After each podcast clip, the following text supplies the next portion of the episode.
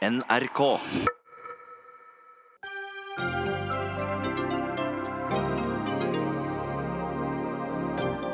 Miljøpartiet De Grønne har en selvgod arroganse overfor Oslo-folk med dårlig råd, skriver en av mange som må ut med bompenger for å kjøre til og fra jobb. MDG mener deres miljøpolitikk sikrer sosial rettferdighet. Mye fossil energi må bli liggende i bakken, sier Statoil-sjefen, som vil satse på fornybar energi. Gode takter, mener forfatter, men synes fortsatt selskapet driver med selvmotsigende nytale. Halloween-gudstjeneste, James Bond-gudstjeneste, fotball-gudstjeneste. Går underholdning utover den guddommelige opplevelsen i kirken?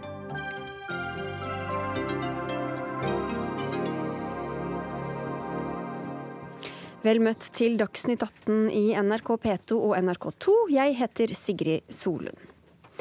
Flere norske byer forsøker å gjøre noe med lokal luftforurensning. I hovedstaden har politikerne nå innført tiltak som har skapt både mye engasjement og irritasjon. For nye og høye bompengesatser rammer skjevt, og det er de med dårligst råd som må punge ut uten at det hjelper miljøet, skriver du på NRK Ytring, Kirsten Elisabeth Lund. Du er lektor på en videregående skole her på Østlandet. Hvordan rammer bompengene skjevt, mener du? Det rammer først og fremst veldig mange tusen mennesker som er nødt til å bruke bilen sin for å få hverdagen til å gå opp, og som ikke nødvendigvis kjører inn i Oslo eller ut av Oslo, men som må gjennom bomringen på vei fra den ene enden til den andre, som jeg er en en representant for da. Men jeg er litt privilegert i denne sammenhengen, for jeg slipper å kjøre i rushtida, og jeg behøver bare betale bompenger på vei inn.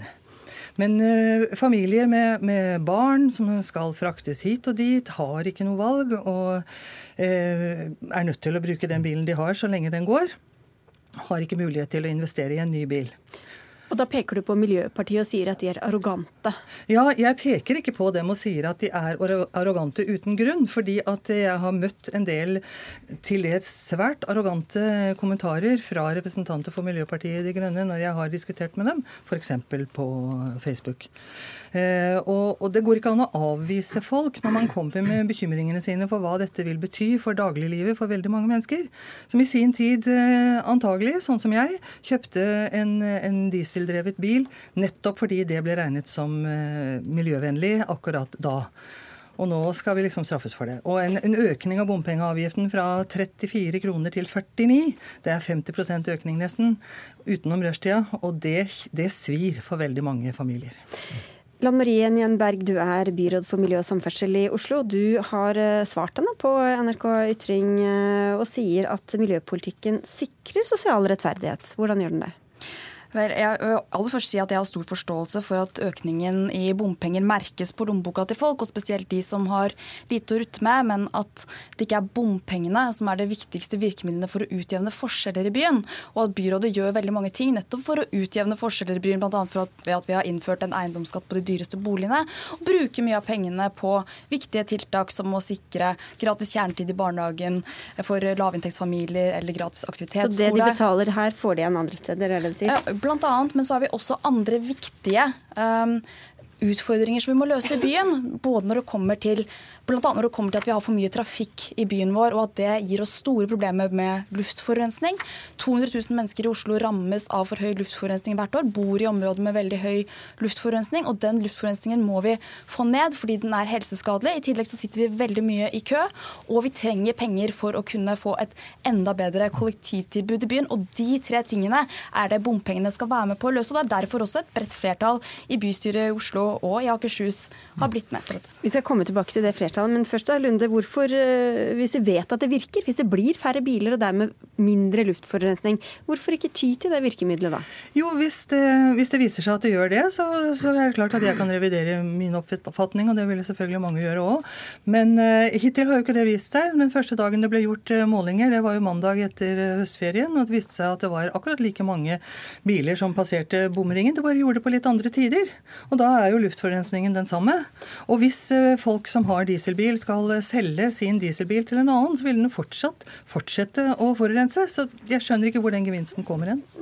Nei, Det som Lunde sier her, det stemmer jo faktisk ikke. Vi så jo en nedgang i bomringen eh, eh, generelt på mandag, og også en nedgang i rushtiden, mens en oppgang like før rushtiden. Og Det er nettopp noen av de effektene vi ønsker oss. for Vi vil slippe at bussen står så lenge i kø, og vi ønsker at vi skal få mindre biler generelt i Oslo, sånn at det skal være mer plass til de som f.eks. kjører kollektivt, og mindre luftforurensning. Og I tillegg så ønsker vi å vri eh, bilparken raskere, sånn at vi kan få flere elbiler bl.a. i Oslo. Men vi skal ta litt mer tak i dette med det sosiale. Du skal få slippe, Lunde. Vi, få, vi, har så mange her, så vi må begynne rundgangen. Eh, Eivor Evnerud, du er Rødt-politiker også i Oslo. Dere stemte mot denne pakka, som disse bompengene er en del av. Hvordan syns dere at den slår ut sosialt? Vi stemte mot uh, Oslopakke 3, uh, og vi ser jo også at det blir mer veibygging. Eh, det finansieres eh, bl.a. E18, Vestkorridoren. Eh, Groruddalen, som har stort behov for mer kollektivtrafikk og bedre tilbud, de blir avspist med veldig lite i forhold til vest. Men Det går på helt andre ting enn akkurat det sosiale. Ja, men det, hvis vi skal snakke om forskjellene her, mm. og hvordan det utjevner, så er jo det en stor del av det. Skal jeg for så vidt gi byråd Berg rett i at bompenger ikke er det viktigste for å utjevne forskjellene her i byen. Eh, men vi er eh, altså, nasjonalt også mot bompenger, ja. Ta noen som stemte for, da. Det var dere i Høyre. Erik La Solberg, du er leder av samferdsels- og miljøkomiteen i Oslo eh, bystyre. Da kunne kronikken og kritikken like gjerne være retta til dere? Ja, Vi har undertegnet på avtalen om Oslopakke 3, så vi må ta vår del av ansvaret også for de takstene som nå er innført. Men vi var faktisk eh, lenge veldig i tvil. Vi vurderte veldig nøye og grundig om vi faktisk skulle bryte forhandlingene, nettopp fordi bomtakstene ble så høye som de nå ble. Men det var to grunner til at vi ikke gjorde det. Den ene grunnen var at vi eh, gjennom å sitte ved forhandlingsbordet klarte å forhandle takstene ned til et mye lavere nivå enn det hadde vært hvis Arbeiderpartiet og MDG fikk bestemme alene. Faktisk Under forhandlingene så var vi på et tidspunkt så lå det et forslag om 80 kroner passering på bordet. Eh, og Da sa Arbeiderpartiet og MDG i Oslo at de syntes det var for lavt. Men signert er signert. Det kan ja, Vi klarte å forhandle det ned til et mye lavere nivå, og det var en av grunnene til at vi var med. Den andre grunnen til at vi var med, er jo noe av det samme som uh, byråden tar opp, at det er viktig at vi har forutsigbarhet for investeringene i de store kollektivprosjektene vi trenger i Oslo. Det er T-banetunnel gjennom sentrum, Fornebubane, men også Ahusbane, som er viktig for Groruddalen. Og så fikk vi også sikret viktige veiprosjekter som bidrar til byutvikling, som eh, Lokk over Furuset, og, og E6 ved Furuset, og også f.eks. Eh, Manglerudprosjektet. Vi prøver ikke å ta eh, hele lokale ja. Ettersom det er mange andre byer også. Jeg skjønner. Bare husk at dette er en rikssending. Men, men Lunde, hvorfor er det MDG du skyter så hardt på, når det var så veldig mange andre også som skrev under på denne avtalen? Fordi de fronter det så veldig for, som sin egen sak. Og hvis det ikke er det deres sak, så, så er jo det litt feil. Men altså, argumentet om at vi vil ha bilparken endret over til elbiler f.eks., da må man jo spørre er det lagt til rette for det. Det er det jo ikke i det hele tatt, hvis uh, man skal se litt nærmere på de mange hundre tusen menneskene som bor i Oslo øst bydeler f.eks., i borettslag, svære borettslag, som overhodet ikke har muligheter til, til store investeringer for å få eh, lademuligheter til, til ja, veldig mange elbiler. For da er det både praktiske ting, men, men det er jo også det økonomiske. Ja. Det er ikke alle som har råd til å kjøpe seg en, en elbil når de allerede har en bil som nå har antagelig sunket ganske mye i verdi fra før. Eller også. Det er klart at det er veldig viktig for oss å legge til rette for at det, vi, skal, få en omskiftning av bilparken, men også for at vi skal få en mye bedre by å bo i. og Det er nettopp det bompengene vil bidra til. fordi vi har et stort problem med trafikkutfordringene i byen. Og nettopp det at vi har så høy luftforurensning at 200 000 mennesker, en tredjedel av Oslos befolkning, bor i områder med for høy luftforurensning. Men hva skal de som da, ikke har råd til å kjøpe seg en ja. elbil gjøre da? De som vil, ønsker å være med på det, følger det argumentet, men de har bare ikke råd til å kjøpe seg noe nytt? Ja, jeg kan forstå at det kan være en stor investering å gjøre, og jeg skjønner at ikke alle kan gjøre det med en gang, men det vi har gjort i Norge, bl.a. gjennom virkemidler i bomringen og at elbilene kan kjøre i kollektivfeltet, er nettopp å bane veien for veldig mye bedre teknologi, som gjør at flere kan få råd til elbiler. At det ikke bare blir Teslaer som kjører med lang rekkevidde. Og Det er nettopp noe av den omleggingen som vi er med, med på i, i, Oslo. Men jeg tror at det, det er viktig her at vi må, vi må tenke på flere ting på en gang. Vi må både tenke på at vi skal utjevne forskjeller forskjellene i byen vår, men også på at vi er nødt til å få ned de utfordringene med trafikk i byen som ikke gjør, som gjør byen mindre effektiv og ikke så veldig god å leve i for alle som sliter med den høye luftforurensningen i byen vår. og Det må vi ta tak i. Jeg tror det, Noe av det veldig mange reagerer på, er summen av alle de tiltakene som nå iverksettes, som gjør det vanskeligere å få hverdagen til å gå opp. Og som eh, Kirsten Elisabeth eh, skriver om her, så er det liksom trikkeholdeplasser legges ned på Lan Marie Bergs vakt.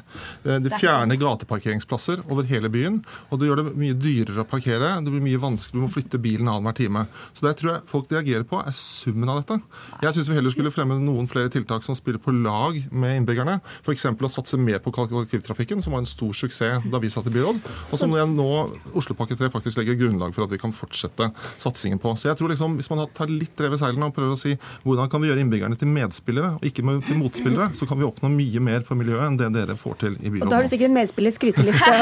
Nei, men nå må Høyre være litt redelig her. For det er faktisk med uh, dette byrådet her så har vi økt antall avganger i kollektivtransporten med 1000 avganger i uka. Mindre enn i forrige periode. Nei, mye mer, Nei, enn, mindre. mer på ett år enn dere gjorde på fire Nei, år. dette kan vi sjekke Eirik, det kan du sjekke. Det kan og, det som, og i tillegg så har vi økt nå antall avganger på mandag med, uh, med, med til tilsvarende 160 millioner kroner. Det er en historisk økning i kollektivtransporten som 10 millioner i nettopp gjør det enklere som nettopp gjør det enklere for alle å kunne tar de bevege seg tar de store linjene her også, uh, for at det skal være interessant for alle andre, de som bor på Lindeberg eller Bøler. Men, uh, men uh, Evenrud, dere er jo opptatt av både klima og sosial profil. Hvordan syns du det slår ut, da? Det jeg også skal si er at eh, Man ser jo at det legges opp til at det skal økes eh, prisene på kollektivtrafikken samtidig her. I, og Oslopakke 3 er jo en, sånn sett en eh, dårlig avtale. Jeg vet at dere har signert den begge to, men det er en av grunnene til at vi har gått mot også. er jo at Hvem skal betale for alt, mener dere, da?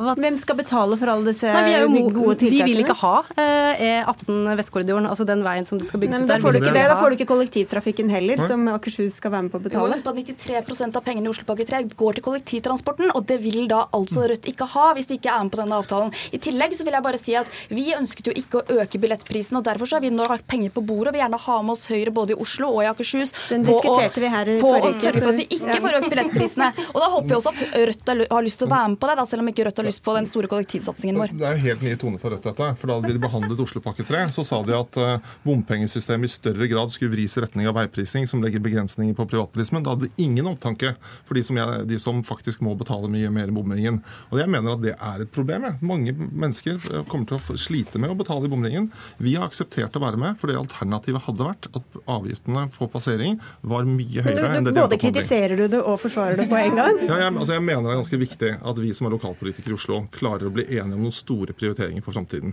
Både viktige veiprosjekter som bidrar til byutvikling, men også kollektivprosjekter som er helt nødvendig i en hovedstad som vokser. Men det var viktig, og er viktig for oss, at vi ikke krever inn mer penger enn det som er strengt nødvendig for å finansiere de prosjektene. men Lunde, for du er jo liksom kvinnen i gata her, da, for å si det sånn. Eller i, bi, i bilen, eller i bussen.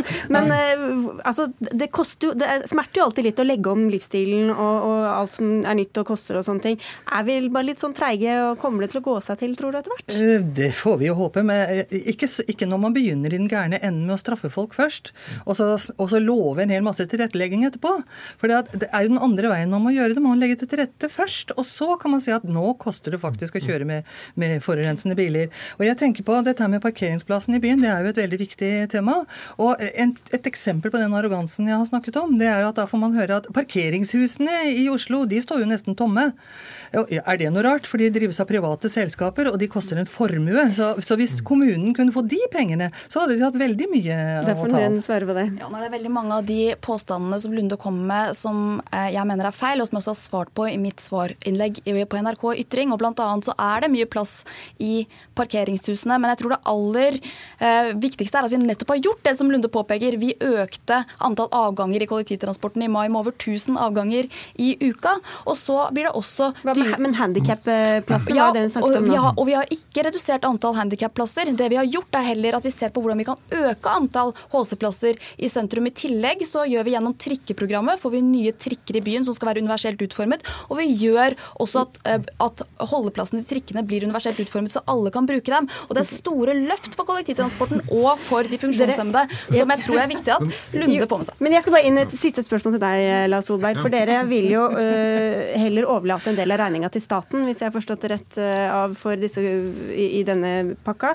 Eh, en, en, sak er jo om Samferdselsdepartementet hadde gått med på det, men en helt annen sak er jo hvorfor alle skattebetalerne i Norge skal betale for at de med forurensende biler skal kjøre gjennom bomringen i Oslo. Ja, nå har vi akseptert som sagt, de eh, takstene som ligger der, for, nettopp fordi vi ellers så ville resultatet blitt eh, mye verre. Men, men, men hvis forurenser skal betale, så må forurenser betale? Jeg mener at det går en grense for hvor mye man kan betale i bompenger i Oslo. Det er veldig høye avgifter nå. Det er 59 kroner for dieselbiler i rushtiden. Eh, og den grensen har vi nå nådd. Så hvis vi skal få til mer investeringer i kollektivtrafikk i Oslo fremover, så mener jeg også at staten bør bidra mer. Og heldigvis har vi en regjering som har prioritert kollektivtrafikken i Oslo og Akershus de siste årene.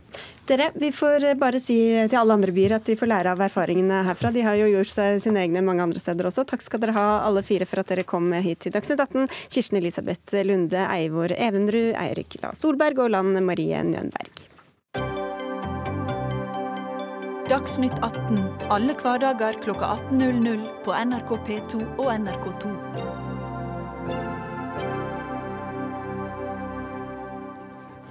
Mye olje og gass må bli liggende i bakken. Framtida ligger i fornybar energi. Klimaendringer er ikke et spørsmål om tro, det er vitenskap.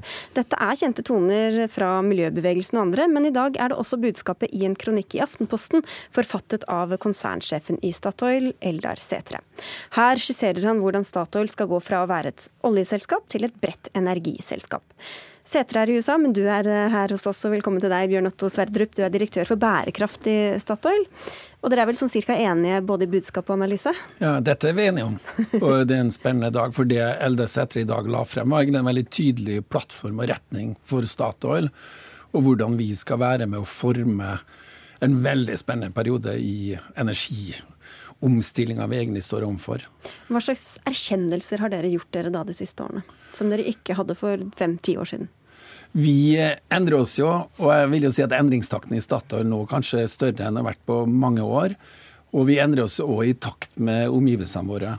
Og det vi er tydelige på i dag, er å si at uh, en del olje- og gassressurser, men òg særlig kull, en del fossile, så, uh, må bare være i bakken. så sier vi for vår del, for selskapets del, tre kanskje nye viktige ting i dag. Det ene er at vi skal gå fra å være et olje- og gasselskap til å bli et eh, bredt energiselskap. Det andre er å si at det er noen olje- og gassforekomster vi ikke kommer til å jobbe med. F.eks. oljesand, eller å lete etter mer tungolje. Og siste sier vi at vi skal være med å vokse veldig innenfor fornybar. Og vi har sagt at vi kommer til å investere 100 milliarder kroner over de nærmeste år i ny fornybar. Vi kan prøve å komme innom alle de tingene. Hvis vi begynner med det første, da. Disse uh, forekomstene som, kjente forekomster som må bli liggende i bakken. Hvem, hvilke land skal la sine ressurser bli liggende uten å hente, penger, hente dem opp og tjene penger på dem? Det, utgangspunktet her er egentlig at verden bruker fossile brensler. Olje, gass og kull. Og det er jo sånn at Eh, så lenge olje og gass egentlig utgjør en helt veldig integrert del av hvordan ikke bare vi i Norge, men alle i verden lever sine liv, så må vi se på hvordan kan vi redusere forbruket av disse, sånn at klimagassutslippene går ned. Og da er sånn, Det vi er opptatt av, er at vi må i hvert fall passe på at vi får produsert de riktige fossile brenslene. Og da er kull mer CO2-rikt enn en olje og gass, så ut med kull. Og så er det jo sånn at Eh, det vil være kostnaden, evnen til å være konkurransedyktig på pris, og lavest mulig CO2, som vil være bestemmende for hvem som kan produsere. Og vi mener at norsk olje og gass står seg veldig godt i en sånn sammenheng. Så vi som allerede har tjent oss rike på det, vi skal tjene oss enda rikere, mens andre må la sine ressurser ligge? Ja, sånn vil det være. At det er de som egentlig greier å utvikle ressurser på en bærekraftig måte og en lønnsom måte, de vil være de som vinner konkurransen i et internasjonalt marked. Anne Karin Sæther, du har skrevet boka 'De beste intensjoner oljelandet i klimakampen'. Her hører vi klimakamp i samme åndedrag som olje og gass. Eh, er det en selvmotsigelse? Ja, det har i mange år vært snakk om såkalt klimavennlig olje. Og det vil jeg si er eh, nytale av den typen George Orwell skrev om i 1984. Eh, Fordi noe som skader klimaet, det kan ikke være bra for klimaet. Og um, jeg må jo først få lov til å si at det er bra Statoil går i riktig, riktig retning her nå. Og det er det som teller, hva dere faktisk gjør, og at det er bra. Men jeg skulle ønske at de i enda større grad tonet ned eh, denne retorikken som gikk på at de er klimavennlige. Eldar Sætre har f.eks. sagt at det vil være bra for klimaet å åpne Lofoten og Vesterålen. Og det er eh, Det syns jeg rett og slett er en pinlig form for retorikk. Når du er eh, Hvis du kjører en fossilbil på på motorveien, så spiller det egentlig ingen rolle om bensinen stammer fra Nigeria, eh, Midtøsten et sted eller Norge. Og grunnen til det er at det er så liten andel av de totale utslippene som kommer fra produksjonen. Ja, for det er jo når det brennes at eh, utslippene virkelig kommer. Jo, men jeg tror du vil være enig i at det er en forskjell på om du kjører en gammel Volvo Amazon, eller om du kjører en Toyota Prius eller en elbil. Ikke sant? Og vi, eh, når vi har egne klimautslipp, da, så er det knytta til energibruken vår. Så det vi er opptatt av, er å si kan vi produsere olje og gass med å bruke mindre energi og ha lavere utslipp enn andre. Så Derfor så vil jeg si at når vi er opptatt av å kutte egne utslipp, så er dette her vi er opptatt av. Og prøve å gjøre sånn at vi på norsk sokkel kjører en Toyota Prius på anleggene våre. Og I stedet for en Volvo Amazon, hvis jeg kan bruke et sånt bilde. Men, men det... Og faktisk er Det sånn at det største nye feltet vårt nå skal jo vi drive på vannkraft. Så det kommer jo til å drives uten utslipp. Men Statoil er jo si at det er uvesentlig, jeg syns det er merkelig, for det utgjør nesten en tredel av Norges utslipp. til seg. Det gjør det. Men Statoil er jo også involvert i mange andre land, Angola, Brasil, Aserbajdsjan blant andre. Eh, er produksjonsutslippene der like lave som på norsk sokkel? Ikke, vi har noen land, eh, i noen felt i andre land, som har nesten enda bedre utslipp enn vi har på norsk sokkel og så har vi noen med høyere. Så da så, er jo logikken at, ha, at dere ikke skal drive med de med høye produksjonsutslipp, da? Ja, det er sagt at når vi nå ser på hvilke felt ønsker vi å bygge fremover, så er vi opptatt av av en rekke hensyn, men, men at klima blir et veldig sentralt hensyn vi tar. så Derfor stiller vi krav til at vår totale virksomhet har så så stor effektivitet da, på CO2 per fat vi produserer. Men, og Der er vi allerede verdensledende når vi tar med både den norske og den internasjonale virksomheten vår. Denne retorikken om at noen er renere enn andre, seter, det er også noe du kjenner igjen fra andre deler av Statoils virksomhet som de nå har lagt bak seg, som vi skal komme inn på, nemlig denne oljesanden? Ja, da Statoil gikk inn i oljesand i 2007, så var jo det en veldig viktig del av argumentasjonen at Statoil skulle gjøre det her bedre enn alle andre og være såkalt renere enn de andre, og at det var det som forsvarte at de gjorde som de gjorde. Eh, I boken min har jeg intervjuet eh, kommunikasjonsdirektøren for eh, Canada på den tiden, i Statoil. Og hun klarte etter hvert ikke å stå for den type argumentasjon, så hun sa opp i protest, rett og slett. Sverdrup. Ja, jeg har egentlig ikke så mye kommentarer til det. Nei, men Det som vi sier i dag, er at vi, vi er ute av oljesand, og vi har sagt at vi kommer ikke til å jobbe mer med oljesand. Eller det vi har sagt i dag, egentlig at vi vi ser på at det er fortsatt stort rom for olje- og gassvirksomhet, og vi er opptatt av å gjøre den best mulig. Og så sier vi at vi er i ferd med å ta veldig nye, store skritt innenfor ny fornybar, og det syns vi er spennende. Men, men vi må, eh, selv om ikke du syns det er så spennende, bare litt til til dette med oljesand. For det er jo det du sa, det er uaktuelt for dere å lete etter tungolje, og uaktuelt å gå inn i prosjekter som oljesand. Det er jo under et okay. år siden dere eh, solgte dere ut av det siste prosjektet i Canada. Og da var det jo finansielle begrunnelser, ikke klimahensyn som var i hvert fall den offisielle begrunnelsen. Mm. Når vi i Statoil tar beslutninger på store beslutninger, det er egne milliardinvesteringer, så er alltid en helhetsvurdering. Det er sammenheng mellom økonomi, miljø, fotavtrykk, ressurs, tidsperspektiv osv.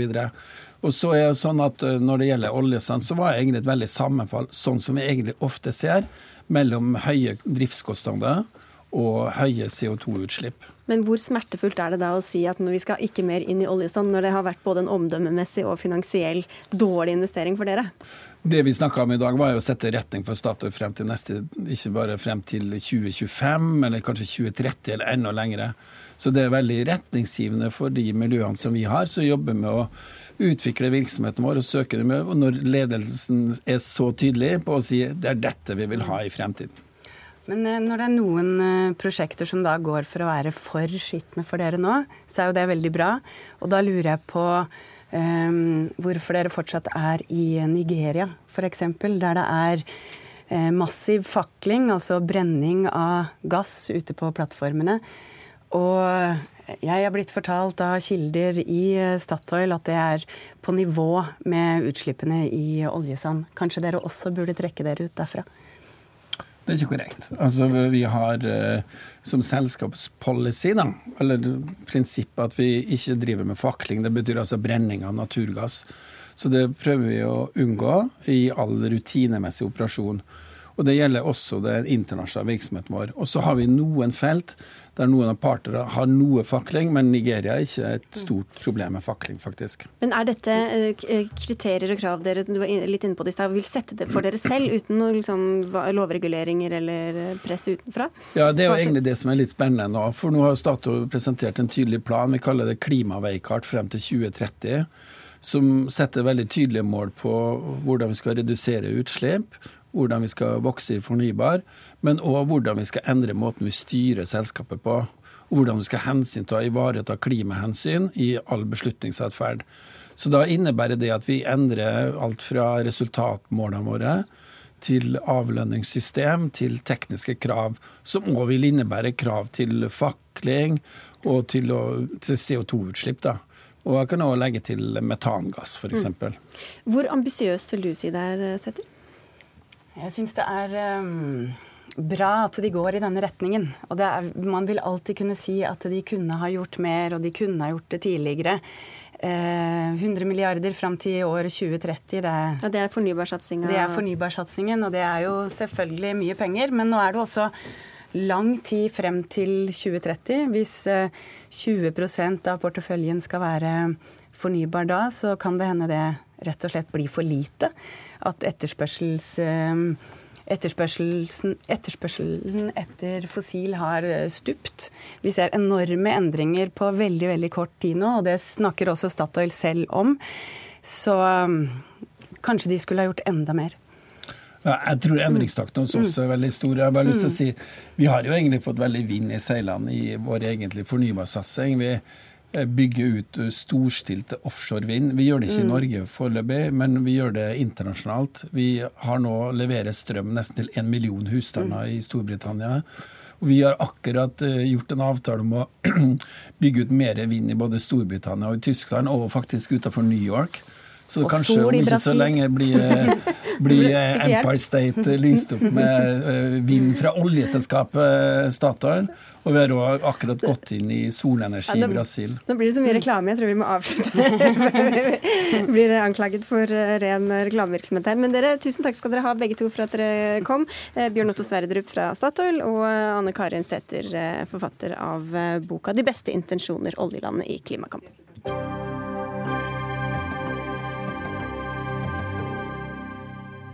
For uh, i dag kan være en skjebnedag for den katalanske separatistbevegelsen, som altså ønsker å løsrive seg fra Spania. For to dager siden deltok hundrevis av spanjoler i en demonstrasjon mot løsrivelsen, men i dag skal Catalonias president tale, og det er ventet at han skal erklære uavhengighet.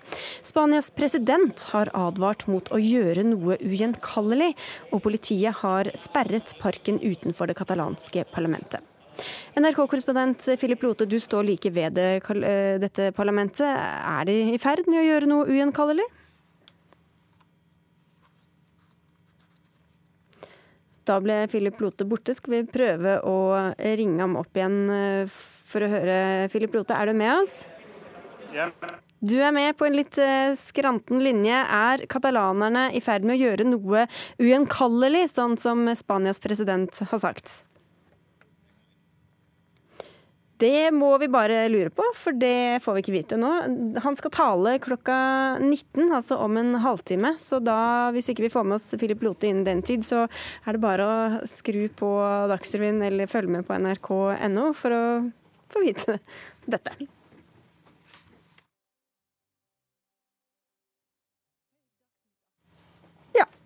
Snart. Her i Dagsnytt 18 skal det handle om erotikk og kvinnenes rolle i vikingtiden. Men først til noe ganske uerotisk, eller eh, hva vet jeg. Det er snakk om fryktbasert ledelse og ansatte som låser seg inne på do for å gråte. Slik beskrives nemlig forholdene internt i Arbeiderpartiet i en rapport som partiledelsen har fått, og som VG skriver om i dag. Ifølge avisa kalles rapporten Klubbens evaluering, der det ifølge VGs kilder kommer fram sterk kritikk av ledelsen i, eh, av partiets eh, valgkamp. Alle ansatte i Arbeiderpartiet på Stortinget og partikontoret er blitt bedt om å sende inn kommentarene sine og vurderinger av hvordan partiets valgkamp er blitt drevet.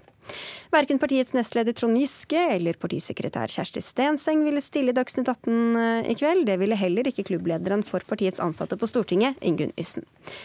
Du er her, Hans Petter Sjøli, kommentator i VG. Det er tydelig at Håkon Lies eh, ord om at Arbeiderpartiet ikke er noen søndagsskole fortsatt gjelder? Det gjør det, og det gjør det alltid. Eh, Arbeiderpartiet er jo en, eh, en, eh, et, et, stort parti. Det er jo en allianse, og det er veldig mange ulike meninger og oppfatninger internt. Så, så litt uh, maktkamp og strid, det skal det jo egentlig alltid være der. Men til dette som dere skriver om i dag, bl.a. om et møte med ansatte i Arbeiderpartiets stortingsgruppe den 29.9. Hva skjedde på dette møtet? Ja, Det var jo en eh, Tenk på det pizzamøtet. Eh, man var jo en del rådgivere som var veldig skuffet over det som skjedde. For det første var de veldig skuffet over valgresultatet. Det var jo et fryktelig valgresultat for Arbeiderpartiet. Siden så har det jo vært en del strid om hvem som skal sitte i hvilke komiteer på Stortinget. og I den forbindelse så var det jo noen altså som eh, trakk seg tilbake og, og, og hadde meldt at de skulle trekke seg fra jobbene sine. og da oppstod oppsto det også en situasjon hvor eh, det ble litt gråt og tenners gnissel. fordi ja, det, det laga seg en stemning der som tyda på at uh, noen ble forbigått, og noen var veldig skuffet over uh, utviklinga som skjedde etter, etter valget. Da. Det har tydeligvis vært mer gråt. Du skriver også om dette i dag, Lars Nehru Sand, politisk kommentator i NRK. Hvordan er arbeidsmiljøet, for å si det sånn, i Arbeiderpartiet nå etter valgnederlaget? Den var nok verre under selve valgkampen, og det er jo det som danner grunnlag for mye av de eh, rapportene som, som, sendes til eh, partiledelsen. Jeg har lest noen av de skriftlige, eh, og, og, det er tydelig at det er valgkampsentralen som, og arbeidsmiljøet der som får mest gjennomgå. Men så er det i forlengelsen av valgnederlaget så har nok mange holdt eh, mye frustrasjon inni seg, også litt i påvente av at eh, hverdagen skulle komme. Og når den hverdagen for noen da viser seg å bli i politiske komiteer eller stortingskomiteer, og da med politisk ansvar de selv ikke ønsket, eh, så, så, renner nok den frustrasjonen litt mer over. Og det er det vi har sett resultatet av de, de, dagene, de siste dagene etter at kabalen til Arbeiderpartiet på Stortinget ble kjent. Men Hva mer kan du si om disse rapportene om hvordan det var å jobbe i valgkampen, og kritikken mot de som drev, eh, drev den?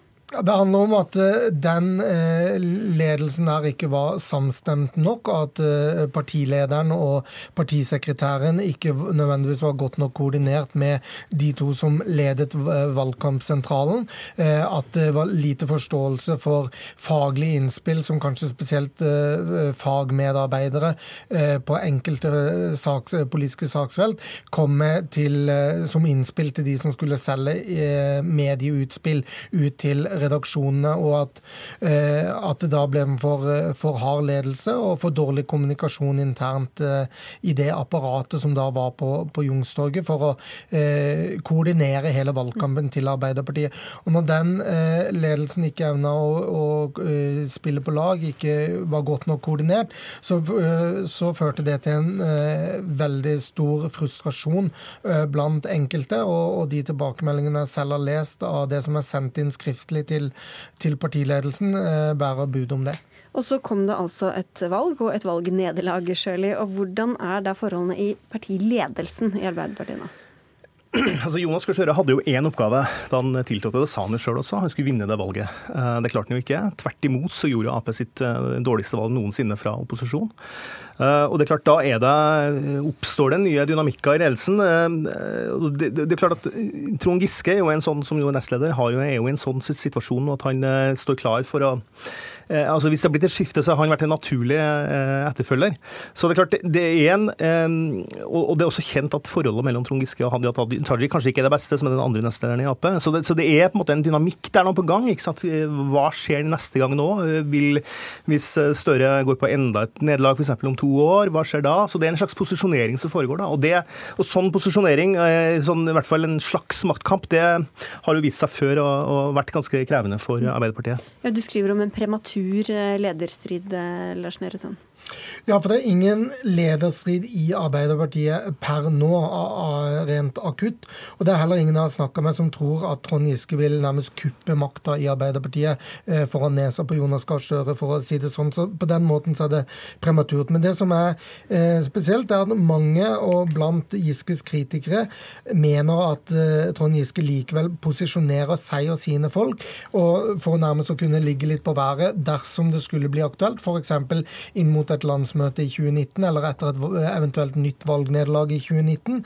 Eh, og de sier at hans oppførsel eh, og det at den ikke slås ned på, gjør at Giske oppfattes mer splittende enn kanskje hans egen intensjon eh, er eh, så absolutt. Og de mest misfornøyde får dermed definere hvor stort dette problemet er rent kulturelt og, og arbeidsmiljømessig i Arbeiderpartiet.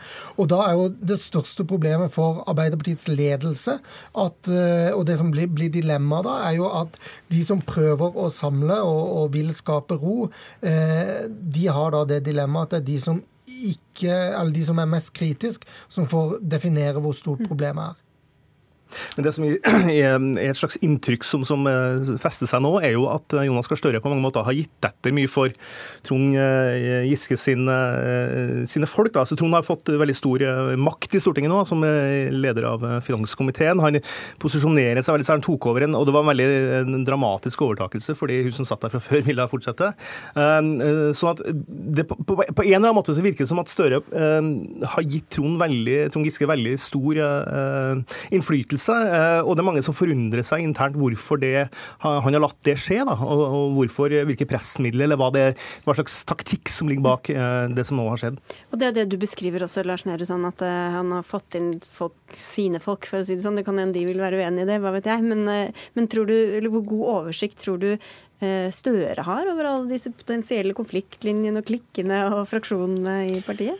Ja, Nå følger på, en, på sett og vis ikke de klikkene, for å kalle det det, eller fraksjonene, eh, noe logisk mønster i den forstand at det er ja eller nei til EU, eller at det er eh, eh, hvor rød du er, eller hvor for eller mot oljeboring eh, du er.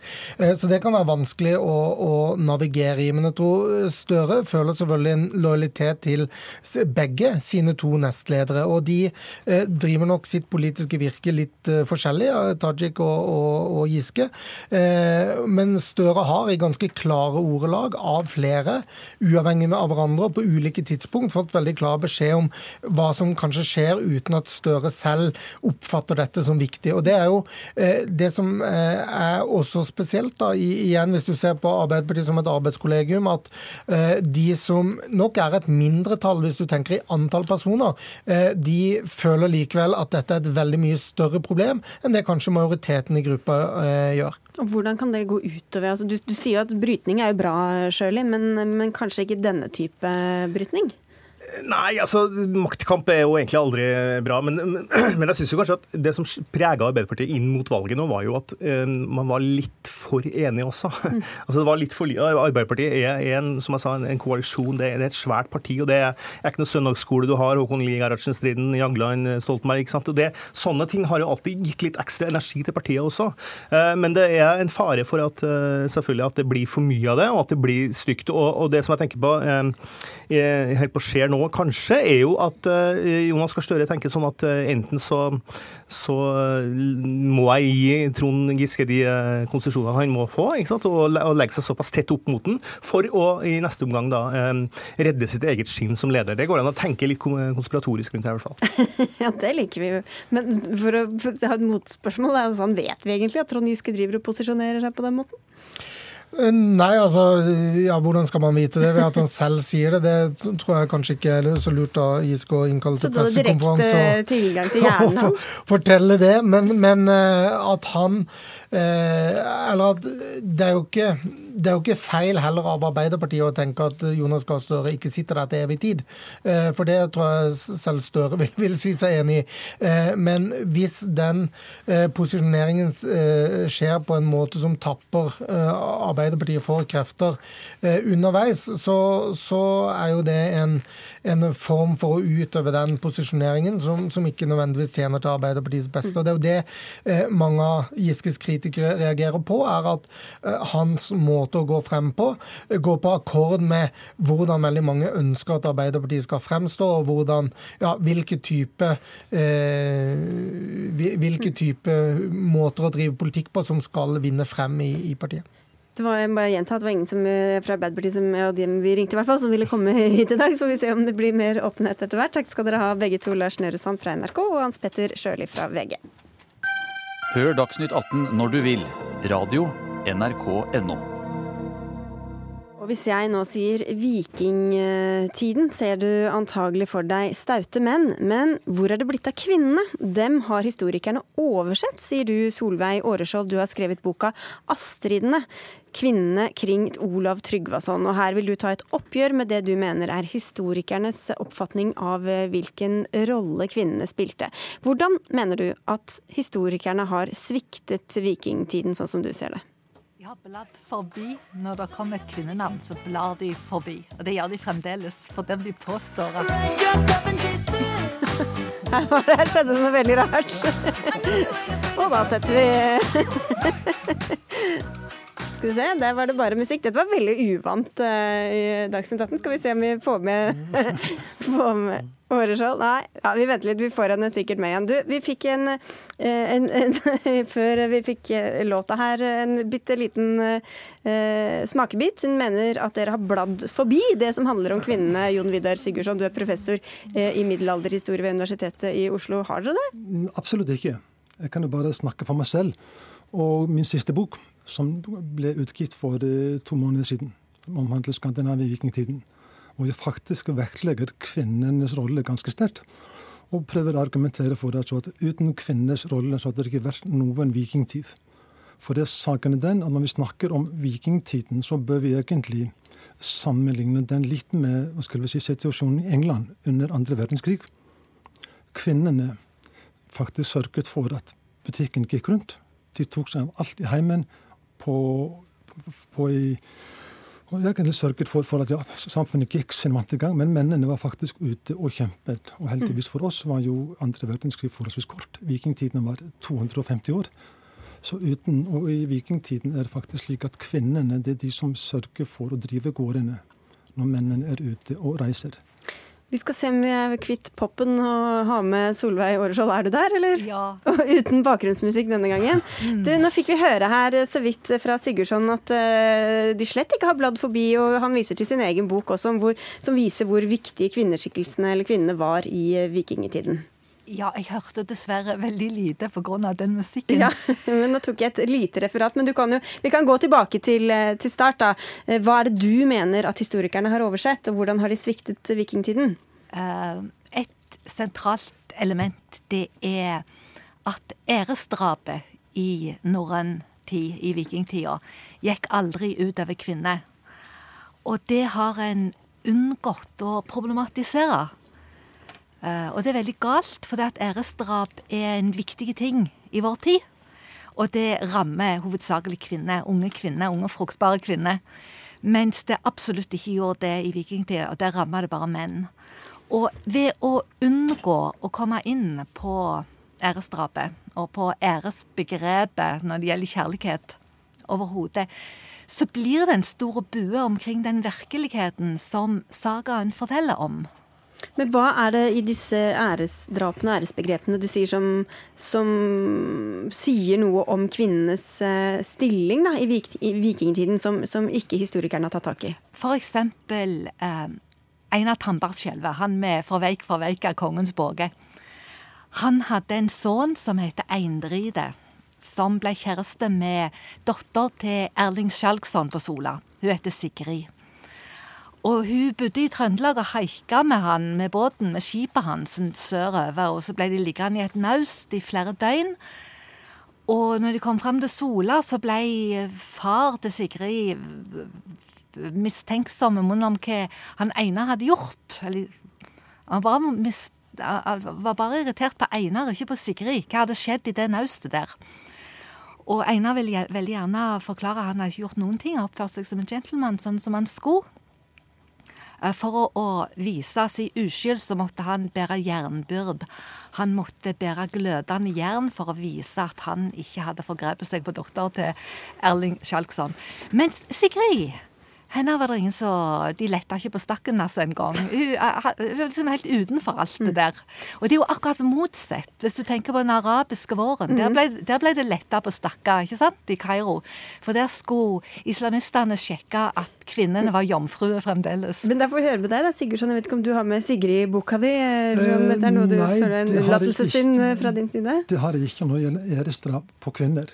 Så Grunnen til at vi ikke har på en måte drøftet de, det er faktisk det finnes ikke en eneste episode om æresdrap på en kvinne. Men på menn var det hun mente, da? Ja da, men det, er- og det er selvsagt på en måte så det er jo Vi har slike episoder, og det er jo selvsagt slik at kvinner har i noen tilfeller på en måte bidratt aktivt til at menn blir drept. Og det er noe som vi faktisk har diskutert i særdeles lang periode, i alle fall siden 1990. Slik at hele det på en måte, hva skal vi si, anklagen om at vi ikke har hva skal vi si, drøftet denne tematikken, er ikke helt riktig. Men det som jeg skal likevel kanskje føye til, er at det kommer litt an på i hvilken fagdebatt vi befinner oss. Mm. Snakker vi om eh, oversiktsverk om norsk historie, så er dette helt riktig. Men når vi snakker om fagdebatten om den norrøne kultur, så er dette faktisk feil. For det har vi diskutert dette her i en godt over en 30-årsperiode. Men, men det er ikke kommet helt ut til, eh, til folket, da? eller? Eh, nei, og det er jo faktisk på en måte en av de tingene som er litt vanskelig å ta tak i for når oversiktsverket skrives. Så faktisk forventer man i alle fall fra, fra forlagenes hold noe helt bestemte ideer om hvordan en norsk historie skal se ut. Jeg bare høre med deg, Åreskjold. For du, du, så vidt jeg vet, så er du litt inne på at uh, fortellingene om, eh, om vikingtiden eh, er preget av hvem som kommer med dem. Altså hvem, som, hvem disse historikerne er som sitter inne på universitetene. Ja, og jeg kan selvsagt, jeg jobber ikke på universitet, jeg kan ikke sjekke hva de forteller til hverandre der. Og når de er på seminarer sammen, hva de sier til hverandre, for det er jeg ikke. Så jeg leser bare de bøkene som kommer ut. Jeg leser selvsagt ikke alle. Og dette her med eh, mangel på innspill, mangel på problematisering fra historikere, det gjelder òg det at de ikke griper inn i eh, samfunnsdebatten. Hvis de vil at jeg skal tro at de forholder seg til æresdrap, så må de gå ut når det blir lagt eh, serier om vikinger, f.eks og korrigere de misforståelsene. For de seriene de ble jo laget som om vikingene hadde den samme æreskodeksen som moderne muslimer. Det hadde de jo ikke. Eh, Her snakker vi om veldig mange ulike forskjellige ting samtidig. Altså, Ja, det er vanlig det i Dagsnytt 18. ja, men eh, altså, altså, bare for å si noen få ord om på en måte altså kvinner og deres ære i vikingtiden. Det er ingen tvil om at altså, kvinner hadde en eh, ganske stor ære. Alle fall noen av kvinnene. Langt ifra alle. Og selvsagt må vi da ikke glemme at uh, vikingtidssamfunn er ganske stigma, altså, oppdelt samfunn. Og eh, det er da forskjell mellom da rike og fattige, og ikke minst treller.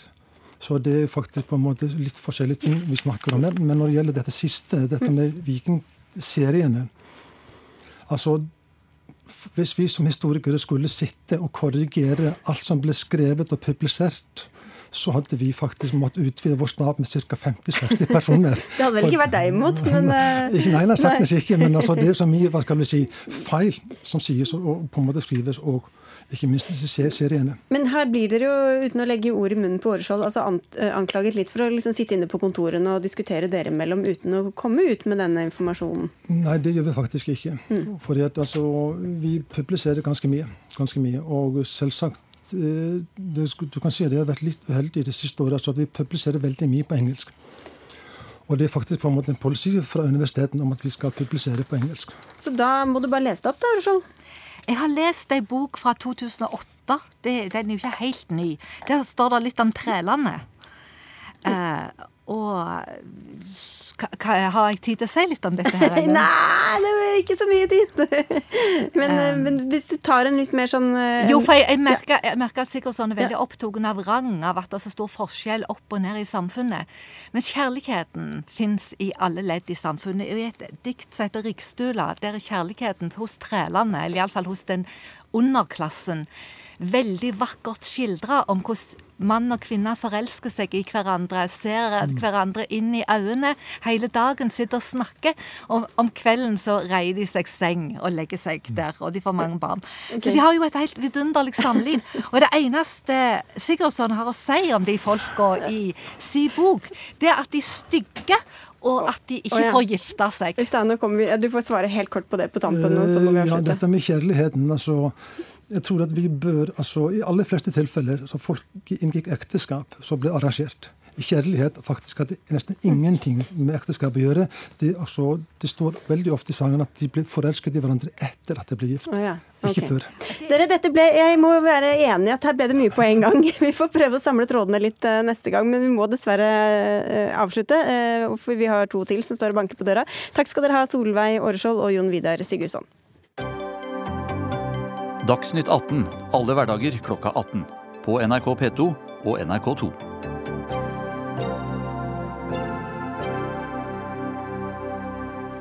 Mange kirker tyr til nye metoder for å fylle benkeradene. Men kirken må være et svar på menneskets dypeste lengsler, og ikke deres akutte behov for å bli underholdt. Det skriver du i Nytt Norsk Kirkeblad, gjengitt i Vårt Land i dag, pensjonert sogneprest eh, Ola Beisvåg. Du er bekymret for utviklingen av såkalte bindestrekgudstjenester. Først må du forklare hva er det for noe? Ja, jeg skal gjerne forklare hva bindestrekgudstjenester er, men først må jeg få si at det er to ting jeg er opptatt av. Det ene er å bruke projektorer, filmkamera og, og storskjermer i kirkene. For det er med på å gjøre kirken til et show. Til et multimediashow. Mm -hmm. Når det da kommer i tillegg til bindestreksgudstjenester, så går det litt for langt. Ja, Da kunne du begynne med de bindestreksgudstjenestene, da. Ja, ja bindestreksgudstjenester. Hvis du tar et hvilket som helst ord, setter bindestrek gudstjeneste, så mm. får du mange forunderlige kombinasjoner. Da får du fotballgudstjeneste, James Bond-gudstjeneste, spagettigudstjeneste. Og da setter du fokus på noe som ikke burde være, være fokus. Mm. Til deg, Espen Andreas Hasle, du er sogneprest i Manglerud kirke i eh, Oslo. Du har hatt noen sånne bindestrekgudstjenester. Hva er det du har å skilte med? Ja, jeg har hatt mye forskjellig. Jeg har hatt uh, Johnny Cash-gudstjeneste, Astrid Lindgren-gudstjeneste, Halloween-gudstjeneste, Valentine-gudstjeneste. Eh, spinnergudstjeneste. Ja, litt forskjellig.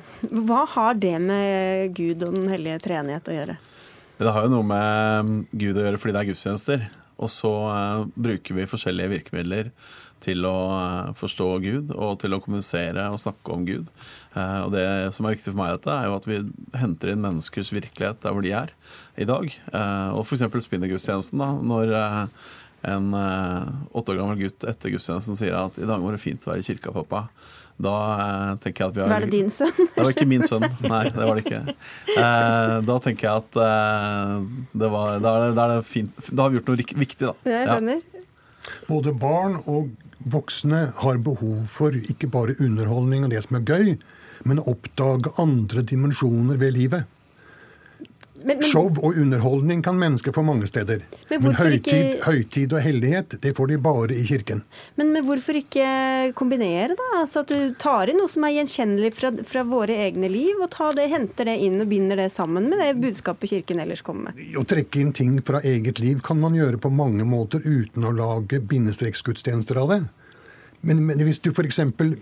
lager Sabeltann-gudstjeneste, Kaptein Sabeltann-gudstjeneste, og Presten kler seg ut i Kaptein Sabeltann-kostyme. Du kjører Kaptein Sabeltann-melodier på skjermene.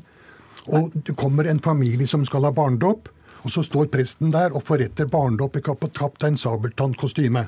Da mener jeg da bryter du totalt med det som er kirkens poeng. Og da vil ikke de menneskene som kommer og skal ha barnedåp, synes at dette er noe som helst høytidelig. Jeg vet ikke om dette var et tenkt eksempel, om du også har hatt Kaptein Sabeltann? Jeg har ikke hatt det. Jeg, jeg tror det er, Han snakker om et eksempel som har vært, og ja. for ordens skyld så tenker jeg at når jeg er prest, så går jeg i prestekjole.